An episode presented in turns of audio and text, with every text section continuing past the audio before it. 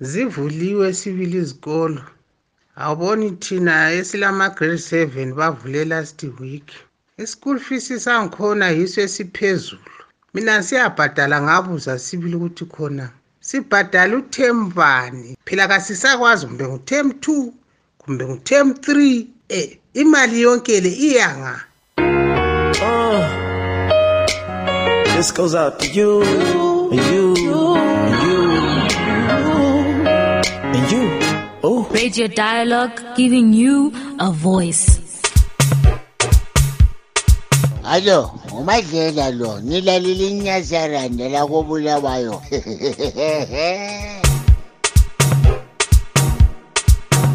yebo kambi kuhlangana njalo-ke ku-podcast yakho. I-podcast oyiphakulelwa-ke iradio talo kumsakazo kazulu umsakazo kabulawayo 0773284598 yokanye inombolo ongayisebenzisa-ke lawe-ke ukuthi-ke uphoselwe lakho igalelo khonapha-ke ehlelweni-ke. Njengazo zonke izikhathi-ke kutwitter ihandle yethu nge-at radio dialog revived ku-facebook-ke khonaphana ikhasi lethu libizwa kuthiwa radio dialog shortwave lawe ngena khonaphana upreso like usilandele lathi sizakulandela ku-podcast yakho-ke yanamhlanje-ke sikhangele udaba lokuvulwa kwezikolo. Kungakumi njani ekuvulweni kwezikolo. Ziningi izikhalazo ke engizitholileyo ke laphana ebazalini ngixoxike labomama abachiyeneyo ngoba omama ngithi yibo ke laphana abaqinisekisa-ke ukuthi abantwana bahamba ezikolweni abaqinisekisa ukuthi yonke into ihlangene. Angitsho ukuthi obaba baqakathekanga ngitsho ukuthi umama nguye okukhangeleyo nxa-ke sekukhona-ke izinkinga ke ahlangabezana lazo setshela kubaba ke laphana. So ngixoxile labomama bentshela ukuthi izinkinga abantu abahlangabezane lazo. Mm, mama umaphiri ngisentumbane kuward ten. Abantwana izikolo zivuliwe sibili bahambile esikolo. Njengoba beqala izolo kuhamba abanye abanye bakhona behambe inengi khona lihambe namuhla. Eh bakhala abazali ngokukhwela kweschool fees lama-top ups amaterm adlulileyo ukuthi kanti kuhambe njani i-school fees sikhwele kakhulukazi. Angazi kumbe kubangelwa ngamadona akhona izikolo lazo sezidimanda kakhulu ukuthi zithole kumadona but amadona asibo bonke phela abantwana ababhadalelwa ngama-donors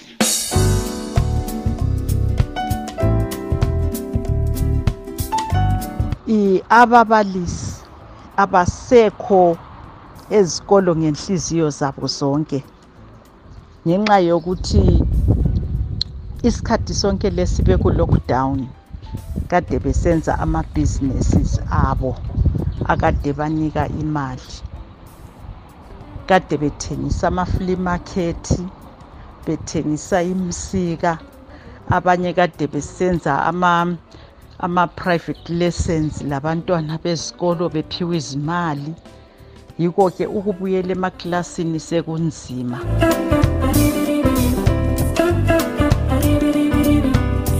Abanye-ke labana-ke omama bakhalaza ngendaba le yama-extra lessons. Ukuthi ama-extra lessons lawa inkinga ngoba-ke akusiyo wonke umzali wenelisa-ke ukubhadalela ama-extra lessons. So kukhanya-ke sekulo mkhuba-ke labana osukhona ukuthi-ke eh ababalisi kusebeqakathekisa labana-ke abantwana ababhadele ama-extra lessons. Usuthola-ke iklasi singani siyehlukene-ke laphana-ke uthola ukuthi-ke kuklasi yinye kukhona ababhadaleyo ababhadeleyo imali yama-extra lessons kukhona abangayibhadalanga. Sekusithi-ke labana bangabhadalanga-ke indlela abafundiswa ngayo sekungani yilokhuyani ukuthi utitsha wayebesesenzela nje? Umbalisi uyafika esikolo efike engafundisi iklasi as a whole efike ethatha abantwana bona laba ama-extra lessons eyibo ebanake kakhulu ukuthi hhayi ababhadale ama-extra lessons sicelani ukubona i-homework ebafundise labana abanye angani kuthiwa u-ignorant kibo abababoni ukuthi ngabantwana. And then nxa sokufika futhi ekuchayiseni labana abanye nxa isikhathi sesikwandle bayatshayisa laba abanye abama-extra njalo besale eklasini.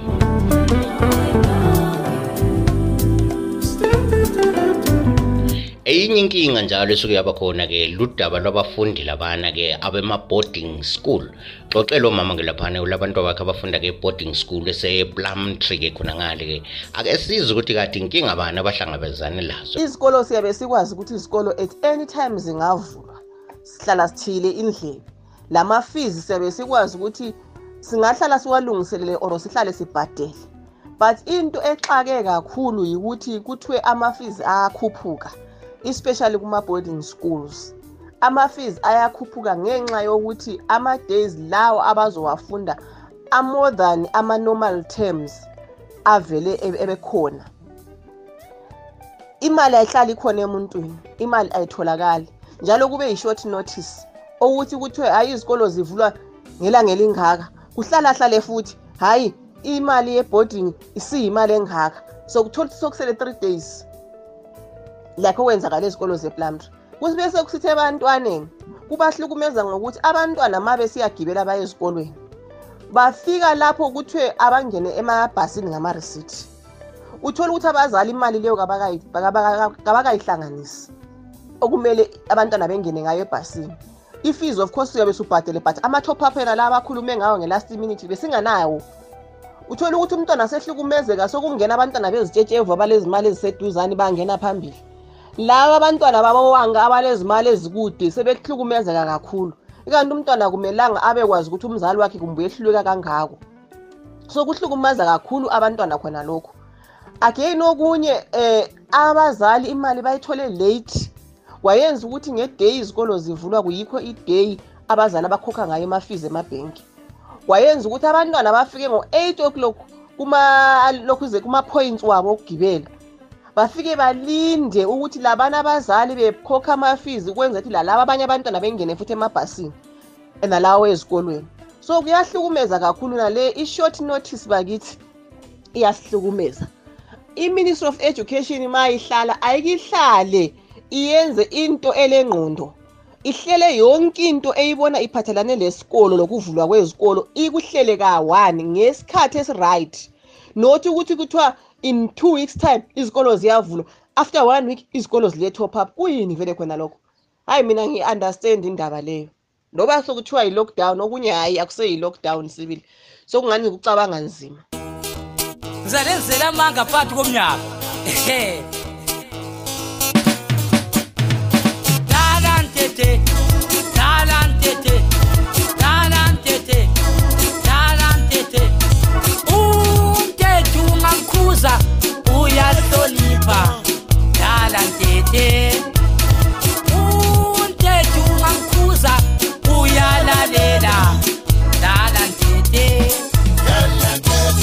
kodwa-ke kunjalo abanye abazali bakhala ngokuthi hhayi ababalisi-ke kabangathathi-ke laphana-ke isigcono ke kumele ukuthi ngaba sihambisa kuhulumende bese besifaka-ke ebazalini. Ikakhulu indaba nale yokuthi kuthiwa otitsha bahola imali encane sebesola abazali sekungani abazali bale nkinga. Abanye abazali bathi hhayi nxa laba sebedonda ukufundisa abaxekele abanye isikhala ngoba baningi abadinga umsebenzi abangawenza umsebenzi wowubalisi maningi amatitshala aphume emakholeji abafundele ukuba ngabafundisi okufundisa abantwana ezikolo.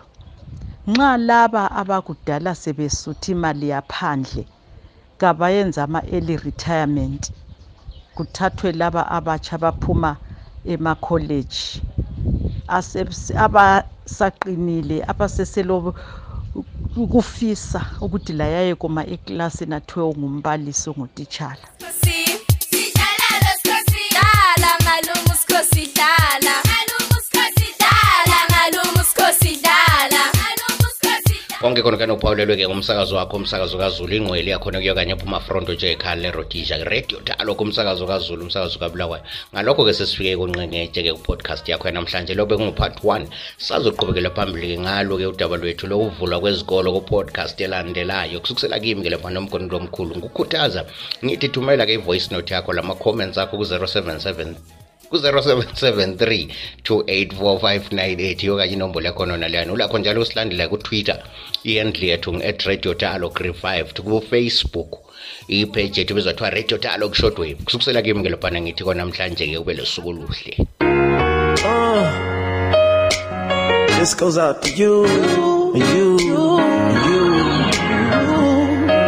and you. Oh. Radio Dialogue giving you a voice.